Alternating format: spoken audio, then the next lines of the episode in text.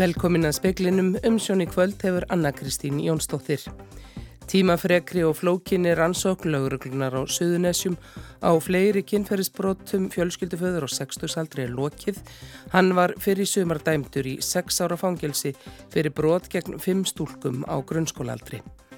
Nýr forsættistar á þeirra Breitlands heitir því að skapa öllum landsmönnum þau tækifæri sem þeir verðskulda, skattar lækka og ítá undir vöxt.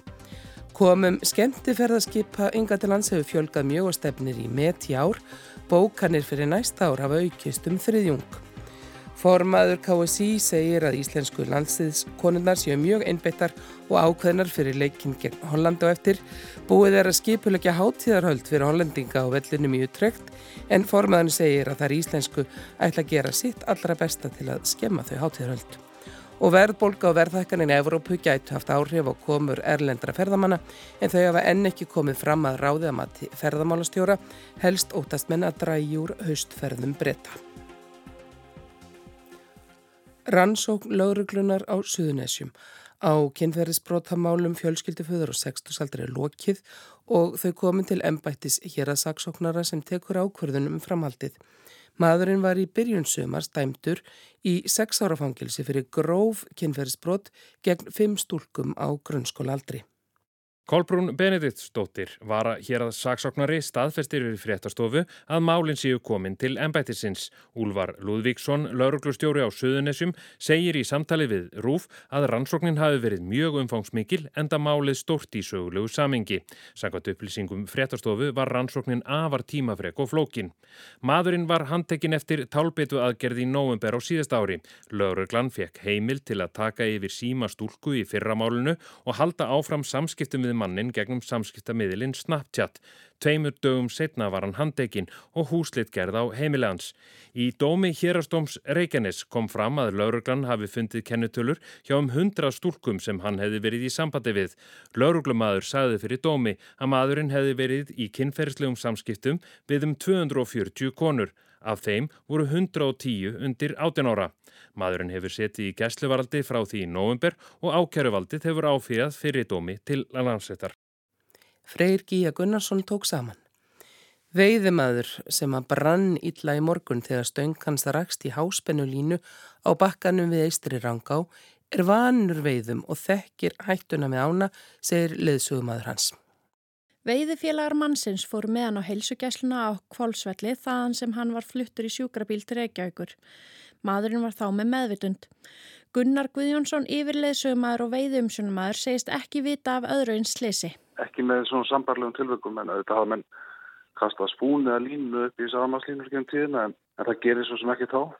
En í þessu tilviki að þá er hann að reka stangatoppin í línuna og næri í arsambandi. Það er þá ráðlóst í gegnum sig. Gunnar var ekki á staðnum þegar slisi varð en hafði leiðbeint þessum hóp áður. Veiðimaðurinn var með svo kallaða teleskóp veiðstöng sem getur verið allt upp í 8-10 metra laung. Gunnar segir þessa stangir mikið notar á Spáni en ekki á Íslandi, nema af erlendum veiðimannum. Stöngin var úr grafít og Gunnar segir veiðimannin hafa rekið stangartoppin upp í ramakslínuna. Gat koma vöðlur veiðimannsins við ramakshöggið. Aðspurður segir Gunnar að veiðmenn sem veiði á þessum slóðum muni passa upp á að þetta gerist ekki aftur. Þessir mennvissu sem alveg hættunni voru, voru vanir að það voru búin að veiða þetta í fjölda ára. Þannig að þetta er bara slið sem gerist. En, en ég veit að þessar ramaslínur er að fara og það er að vera lagar í örðu bara öruglega næsta ári. Þetta er bara, bara óhapp sem ég átti mig ekki alveg hvernig var. Saði Gunnar Guðjónsson, Ingi Björg Sara Guðmundsdóttir talaði við hann. Liz Truss bóðaði skattalækkanir, mikla uppbyggingu og betra líf fyrir fjölskyldur í Breitlandi á sínum fyrsta starfstegi sem þeirra. Good afternoon. I have just accepted Her Majesty the Queen's kind invitation to form a new government. Nýji fórsætisráþarann ávarpaði landa sína á regnblöytri götunni fyrir framann ingangina dáningstrætti 10, ný komin frá Skotlandi þar sem hún tók við ennbætti á fundi með Elisabetu drottningu. Tröss bóðaði mikla uppbyggingu vega, heimila og innviða. Hún sagði að auka þyrti fjárfestingu og dragur byrðum sem leggjast á fjölskyldur landsins. Þetta er ekki auðvelt en þetta myndi ríkistjórn hennar gera. Of course it won't be easy. but we can do it. We will transform Britain into an aspiration nation. Breitland erið breyti land vonar og metnaðar með velborgandi störfum, örugum götum og verðskuldum tækifærum fyrir alla. Tröss hétt við að koma Breitland í gang og lækka skatta. Verkefnið væri að tryggja tækifæri og vöxt. This is our vital mission to ensure opportunity and prosperity for all people and future generations. I am determined to deliver. Thank you.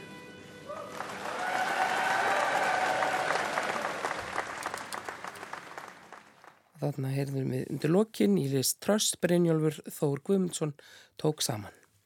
Varaþingmaður flokksfólksins í norðvestur kjördami hefur sagt af sér eftir að flokkunum fekk pata því að viðkomandi væri á einhvern nátt bendlaður við rossamálið í borganessi. Þetta staðfestir Inga Sæland formaður flokksfólksins. Hún segir að ríkt hafi gagkvæmur skilningur um þessa niðurstöðu. Flokkur fólksins berjist gegn öllu sem lútiða íllri meðferð á dýrum og vilji vera hafin yfir allan vafa í þeim slag. Það stefnir í að fleiri skemmtifærðarskip komi til hafnar í Reykjavík á næsta ári en nokkru sinni fyrr og um þriðjungi fleiri en í ár. Erill hefur verið við skarfabakka í sumar og nokkur breytingur orðið á skipula í ferða, segir Gunnar Tryggvarsson starfandi hafnastjóri. Núna sjáum við eðlisbreytingu í þessum gera sem við fögnum mjög að skipafélagin vilja núna uh, stundar svo kallu farþegarskipti hér hjá okkur staðan fyrir að gera það einhverju norðu efraskri höfn að þá komaðu hingað og farþegarnir fara um borð hér eftir að hafa flóið hingað gegnum, gegnum keflaugurflugull flestir og þessir farþegar, það talið að þeir skilji þrísusunum meira eftir í, í eðslu í, í borginni heldur hínir sem að koma bara mótni að fara kvöldi. Saði Gunnar Tryggvason og síðar í speklinu verður rætt við Skarpíðenberg Steinason ferðamálastjóra um horfur í ferðarþjónustu. Íslenska kvennalandsliði fótbolta mætir Hollandi ytra í loka leik í undangeppni heimsmeistara mótsins 2023 eftir um það byrj hálftíma 1835. Íslenska liðinu dýr jafntefli til að enda í efsta sæti riðilsins og tryggja sér þáttökur rétt á HM í fyrsta skipti. Tapist leikurinn þarf liðið að fara í umspill. Vanda Sigurgestóttir, formaður Knaspinu sambands Íslands, segir að íslensku stelpunar gefi sig allar í þennan leik. Ég hef að sjálfsögðu bara fulla trú á okkar liði, okkar frábæru leikmannum, þannig að ég met möguleikana bara mjög góða, en Við viljum líka taka fram að við erum að sjálfsögða að spila við mjög gott lið þannig að þetta verður hörskuleikur, það er engin spurning. Það er með svo að búið að skipulegja sko hátíðarhöldin hjá þeim held ég þegar að þau vinn okkur en við erum auðvitað að skemma það og, og, hérna, og bara stelpunar grítarlega einbettar og ákveðnar og það er að fara að gefa sig alla í þennan leik og, og selja sig mjög dýrt. Þannig að ég, ég er einna hálfu tími leik, ég er orðin mjög spennt sko sagði Vanda Sigurgeistóttir þegar að tala varfa við hana fyrir nokkru. En leikurinn hefst klukkan 18.35 og uppbytun fyrir hann er þegar hafinn. Srílönsk stjórnvöld þurfa að snúa við þeirri herrvæðingu sem hefur orðið í landinu, fell ár gildi, forneskjulegur lögum almanauðriki og leifa mótmælendum að koma saman. En þetta er meðal þess sem segir í nýri skýrslu mannréttindar á saminuðu þjóðana um stöðu mannréttinda á Sri Lanka. Forseti og forsættis ráþara landsins hröklust frá í sömar eftir umfangsmikil mótmæli. Versta efnagskreppa í sögu Sri Lanka geysar enn og þó að fyrirverandi ráðamenn hafi sagt af sér halda mótmæli áfram og hersveitir hafa ítrekkað ráðist gegn mótmælendum. Starfsemi endurhæfingarstöðurna ljósins hefur farið vaksand á síðust árum og komum þanga fjölgaðum 24% í fyrra. Í dag hófst herfer til að fjölga ljósa vinum sem styrkja starfið og sapna á fyrir nýjum húsakinnum. Erna Magnúsdóttir, forstuðukona ljósins, segir mikilvægt að tryggja krabbamins greindum þá endurhæfingu sem þeir þurfa. Við erum með yfir 600 manns í þjónustu hverju mánuði núna og þegar að bætist við hérna, fólk í endurhæfingu þá þarf að líka bæta við starfsfólki og, og það þarf að auka við húsnaðið og þá þarf að auka fjármagn. Þannig þetta er svona liður í því að almenningu getur hjálpa ljósinu að bjóða upp á faglega uh, og nánast fría endurhæfingu. Það er dýrt að veikjast og við erum að reyna að hjálpa fólki að, að þurfi ekki alltaf að vera að taka upp veskið heldur eru við hérna til að styðja það á styrkja. Saði Erna Magnúsdóttir. Evrópa glýmir við verðbolgu og hækkandi orkuverð. Þýsk stjórnvöld hafa kynnt 20 miljardar stuðningsaðgerri til að mæta þessu. Í Breitlandi ukir marga framöndans í harður vetur. Þar er orkukostnaðurinn farin að býta og eins almennar verðhækkanir. Hverju skiptir efnahagurinn í heimalandinu þegar kemur að ferðalögum hinga til Íslands? Í sumar hafa mörg metfallið og sókn ferðalanga til landsins verið meiri en nokkru sinni. Viðsnúningurinn eftir COVID jafnvel skarpar en búist var við. Ferðavertiðin hefur tegst fram á haust og jafnvel vetur undan farin ár. Skarpjæðin Berg Steinarsson, ferðamálastjóri, segir að auðvitað hafi kjör fólks heima við áhrif á ferðalögðess.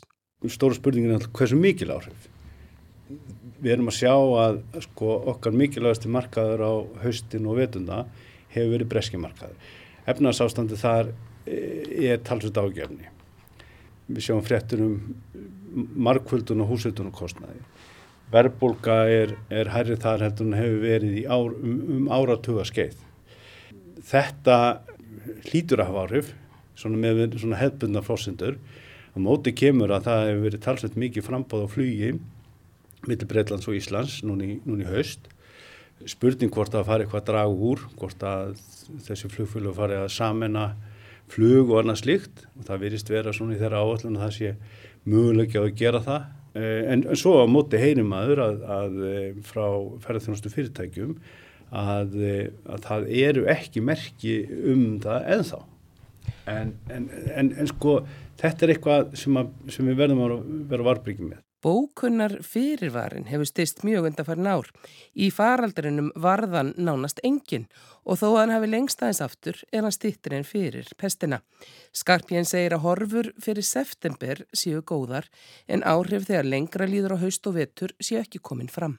Það er líka eins af vísbendingunum það að verð e, í sumar hafi verið herra einingaverð á gístingu, mat og og fleiru hafi verið herra í sumar heldur en það var fyrir COVID og fyrir því eru sjálfst ymsar ástæður.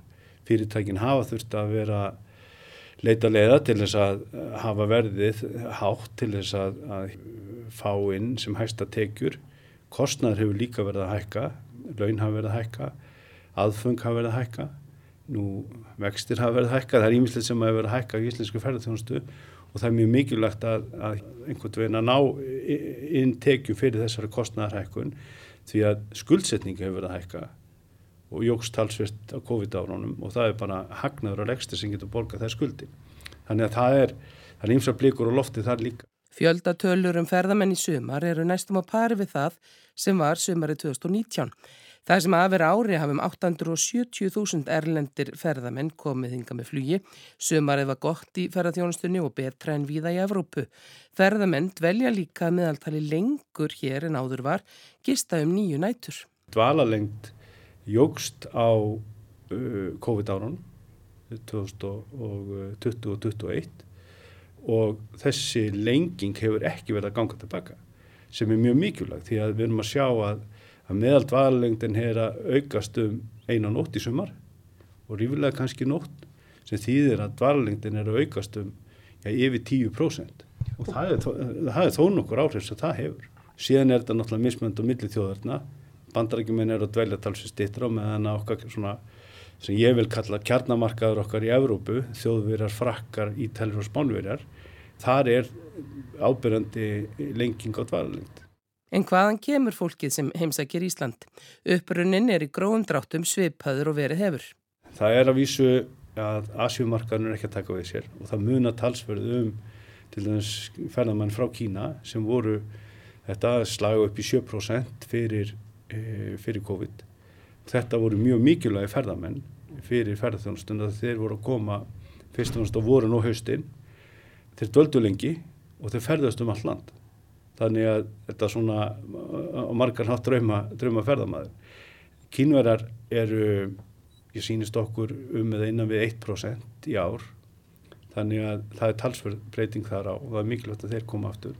Við erum að sjá aukningu frá uh, Ítalju sérstaklega, við erum sjá eh, aukningu frá eh, Þískanlandi, Spánverðar standa nokt við í stað, breytar eru mjög fyrirfæra litlir ásumrin, eins og ég nefndi á þann, bandaríkminn er að skila sér, þannig að þessir, þessi helstu markaðir eru að, eru að skila sér vel, en við þurfum að passa upp á þessa fjölbreytni sem hefur verið í, í þjóðurnum. Hún er mjög mikilvæg og hún er svona, einn af svona já, styrk íslenska ferðarþjónustu. Nákvæmur tölur um fjölda farþega sem koma með skemmtiförðarskipum eru ekki tiltækar. Í ár koma 185 farþegarskip í höfni Reykjavík og þangað komaði næri öll. Þessi skip hafa rými fyrir rúmlega 200.000 farþega. Á næst ári er búið að bóka 260 skip sem rúma um 300.000 farþega hingað. Þannig var orðið nokkur aukning en þannig var líka orðið nokkur breyting á ferðamáttanum, segir Skarpjæðin. Við erum að sjá fleiri lítilferða, eh, hérna, skemmtverðarskip sem sigla ringin í kringum landið og eru þá svona, svona segja, meira hluti af íslenskru ferðarþjónustu heldur en kannski þessi stæstu skip. Og þessi skip mörg, og það er, við erum að sjá aukningi því að, að þessi skip sé að skipta um farþega hér á landi og það er þá svona aukin efnaðslega viðkoma þessara skemmtverðarskipa fyrir íslenska ferðarþjónustu. Það er þá flugið það er þá önnu gisting sem þessu tengist þannig að það er að verða breyting þarna á. Farþegar á skemmtifæraskipum hafa ekki verið taldir með í hefðbundunni brottfarar talningu ferðamanna en það gistaðir ekki á landinu.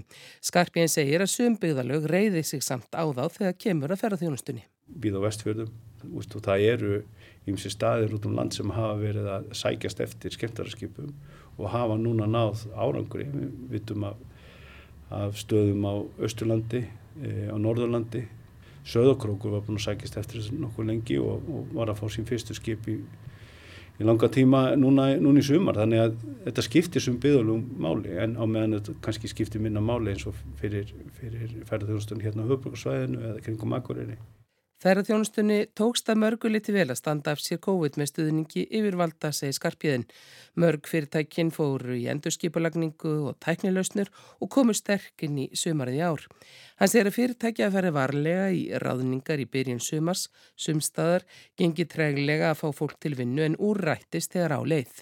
Þó að sumarnaðu gengi vel, þá eru blikur á lofti, það er ennþá stríð í Júkrænu, það hefur áhrif þó að það hafi minni áhrif hér heldur en að við skoðum annar staðar í Európu.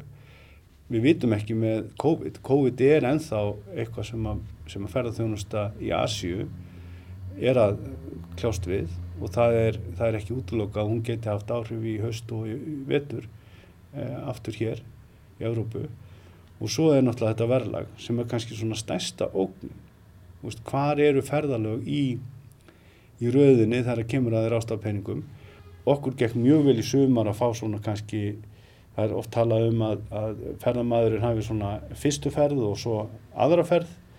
Okkur tókst vel að ná í fyrstu ferðina sem er svona stóra ferð ásins en það er spurning hvernig okkur munir ganga að ná í þá ferðamenn sem að fara í stittri ferðar og haustir og vinnar. Það er mjög mikilvægt því að, að ástíðasveifla í íslensku ferðarþjónustu er minni heldur en viða annar staðar vegna þess að okkur hefur gengið vel að ná í ferðarmenn sem er að koma á haustin og haustin, vorin og veturna. Saði Skarpíðinberg Steinarsson ferðarmálastjóri.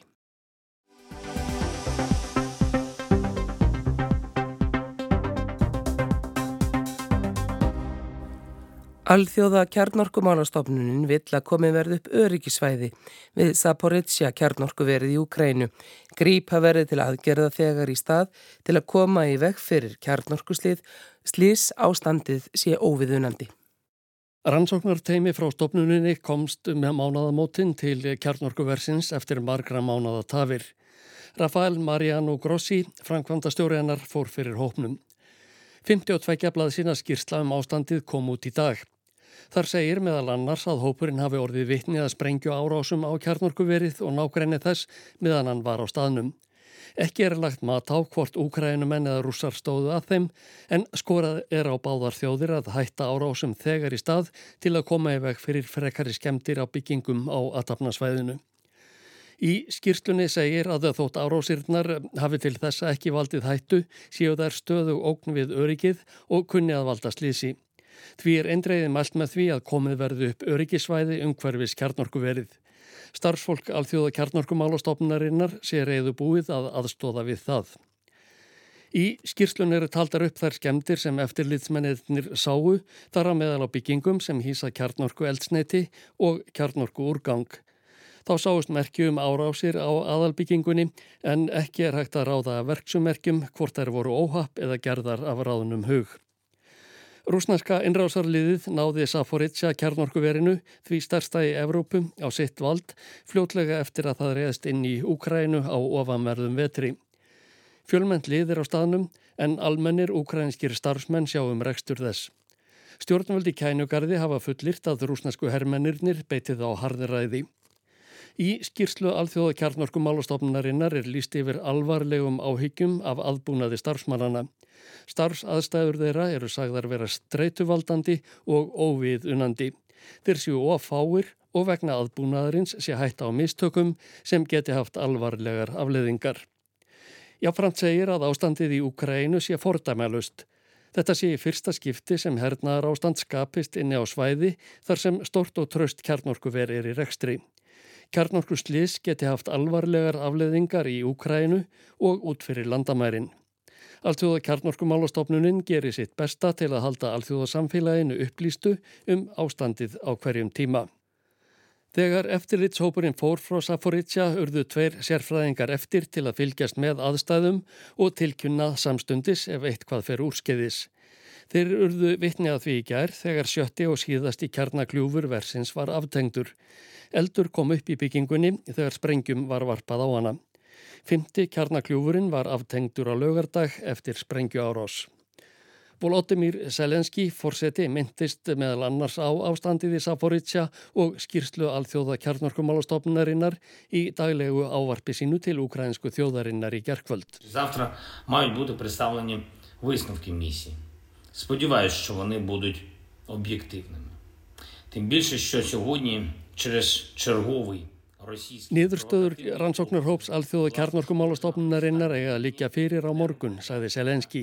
Ég vona að þær séu hlutlægar, sérstaklega eftir að síðasta raflínan sem tengir kjarnorkuverið við raforkukerfi Úkrænu skemmtist í dag í skotárás rúsa. Vegna hennar er verið aðeins einu skrefi frá kjarnorkuslýsi. Rússar sökuðu Úkrænumenn í dag um árásir á skotmörk í námunda við kjarnorkuverið. Vladimir Rokov, fulltrúi rúsneska hernámsliðsins í bænum NR-hótar sem er næst verinu, sagði á samfélagsmiðlum í dag að sjö sprengju árásir hefðu verið gerðar á bæin og kjarnorkuverið. Varnarmálaráðunettið í Moskvu sagði í dag að 15 sprengjur hefðu hafnað á NR-hótar síðastliðin sólaring. Rafael Grossi, yfirmaður kjarnorkumálastofnunarinnar, hefur enn ekki tjáð sig um skýrsluna. Hann upplýsir öryggisráð saminuðu þjóðuna um efni hennar í kvöld. Rússar óskuð eftir fundinum. Þeir saka úkrænumenn um að reyna að afvega leiða umræðuna um ástandið í kjarnorkuverinu. Áskil Tómasson sagði frá.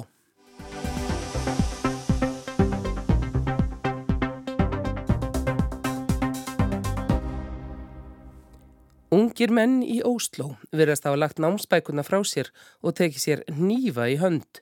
Ef markam og orð borgarstjórnans þar í borg setja unglingar nýf í vasan við hliðin á farsímanum og fá svo útrás í bardögum í jafnaldra sína. Gísli Kristjánsson, fréttarittar í Ósló, lýsir því hvernig bylgja ofbeldisverka setur svipsinn á bæjarlífið. Núna á haustvikum berast aftur og aftur fréttir af ofbeldi millir ungra manna í borginni. Stundum er skotið en oftar er nýfum beitt. Raimond Jóhansen, borgarstjóri, lýsir ástandinu svo í samtali við ríkisútvarfið NRK. I samme kanskje mobiltelefonen sin så tar du på deg en kniv. Og det er ikke for å gå og spikke pinner for å grille pølser i skogen. Det er jo det at det er tydeligvis... Það virðist orðið eðlilegt fyrir unga menn að vopnast nýfi um leið og þeir taka með sér farsíman á mornana og það er ekki til að tálka trjágreinar til að steikja pilsur í skójunum heldur í slagsmálum, segir borgarstjóri og lofar aðgerðum til að tryggja öryggi borgarna. Fimm alvarleg atvik núna á einni viku. Minst tíu ungir menn viðrinnir ofbeldi sem ber öll merkjum uppgjör millir hópa í borginni. Þetta er nýtt hér og vekur óhug. Samt hafa kunnýjir menn, bæði innan lögreglu og skóla, varað við þróun þar sem fleiri og fleiri ungir menn tengjast undir heimum borgarinnar. Oftast eru þetta unglingar af ættum innflýtjanda og oftast búsettir í útkverfum og stundum tengtir eitulefjasölu. Þó ekki þannig að um eitulefja neytendur sér æða, heldur unga menn sem hafa hafið ferilsinn sem sendi sveinar eiturlifja sala. Núna fyrir viku var skotið á bíl í Túrshof hverfinu rétt ofan við miðborgina. Þrýr voru handteknir en sleft vegna skorts á sönnunagögnum. Þessari árás virðist hafa verið svarað með annari skotárás við verslunarmiðstöð þar næri um helgina. Einnig þar grunar lauröglu að um uppgjör í undirheimum hafa verið að ræða. Á sama tíma var unglingur stungin og alvarlega særður í útkverfinu stofner norðaustan við borgina. Þar var um uppgjör unglinga ræða og einn handtekinn. En fundust svo tveir ungin menn alvarlega særðir eftir nýfstungur næri verslana miðstöð í hverfinu Furusett í Östurborginni. Annar var næra dauða komin á bekku utandýra en hinn fannst lífshættulega sár inni í íbúð þar næri. Þessir tveir höfðu gert upp sín mál með nýfabardaga en eru nú báður úr lífshættu. Þriðji maður er einni grunaður um að vera þar viðriðin en hann verið ekki fundist og svo enn fjöldaslagsmál ungra manna næri tveita vestlunamiðstöðin í Östurborginni. Engin slasaðis lífsættulega en lauruglugrunar einniga í þessu tilviki hafi gengjum unglinga lostið saman. Í öllum þessum tilvikum eiga ungir menn í hlut og ofbeldi tengist uppgjöri þeirra á milli. Þetta er spurningum virðingu, peninga og áhrif. Það er dæmi gert fyrir glæpa gengi í borgum. Nú í haust hefur þó engin verið drepin þótt næri hafi leigið. Hér í Ósló er þetta óvenjulegt.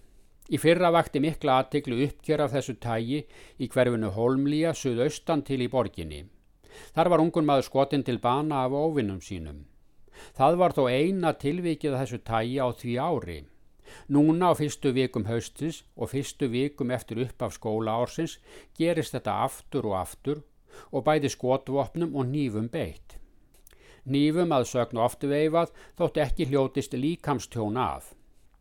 Lögreglan gerir ekki annað en að stilla til fríðar og koma særðum og sjúkrahús. En það er vandi að ráðast að rót vandans þegar deildar meiningar eru um hvað valdi og hvers vegna þessi átök blossa upp núna á þessu hausti. Svipaða fréttir berast ítrekka fór Svíþjóð og raunar einni frá Danmörku. Norðmenn hafa mestu sloppið og raunar er það svo að glæpatíðni hér til lands em er því lægsta sem gerist í heiminum. Morðtíðni svo lægsta í Evrópu, lægri en á Íslandi. Borgarstjóri segir að nú þurfa að grípa til forvarna, sérstaklega í skólunum, því óttast er um að ræða unglinga á skólaaldri. Nærtækasta skýringin er að miklar lokanir skóla á tímum pestarinnar, skólastarf lága mestu niðri í þrjá ára annir, hafi leitt til þess að sérstaklega ungir piltar flosnuð upp úr námi. Núna hafa þeir tekið sér nýfa í hönd í staðnámsbókana. Og veður horfur á landinu til miðnættis annað kvöld er þær það verður áfram hægur vindur og bjart veður á morgunin skíjað og lítilsáttar væta sunnan og austanlands setnipartin. Hiti breytist lítið. Það stýttist í leik kvennalandsliði Íslands og Hollands í fótbolta. Hann verður leikin í uttrekt í Hollandi og hefst eftir um fimm mínútur. Vegna beidnar útsendingar frá leiknum verða sjómvarpsfréttir setni á ferðinu vennilega. Það verða klukka nýju í kvöld. En leiknum er líka líst í útvarpinu á Rás 2. Og fleira er ekki í speklinum í kvöld. Tæknimaður í útsendingu var Magnús Þorstein Magnússon. Verið sæl.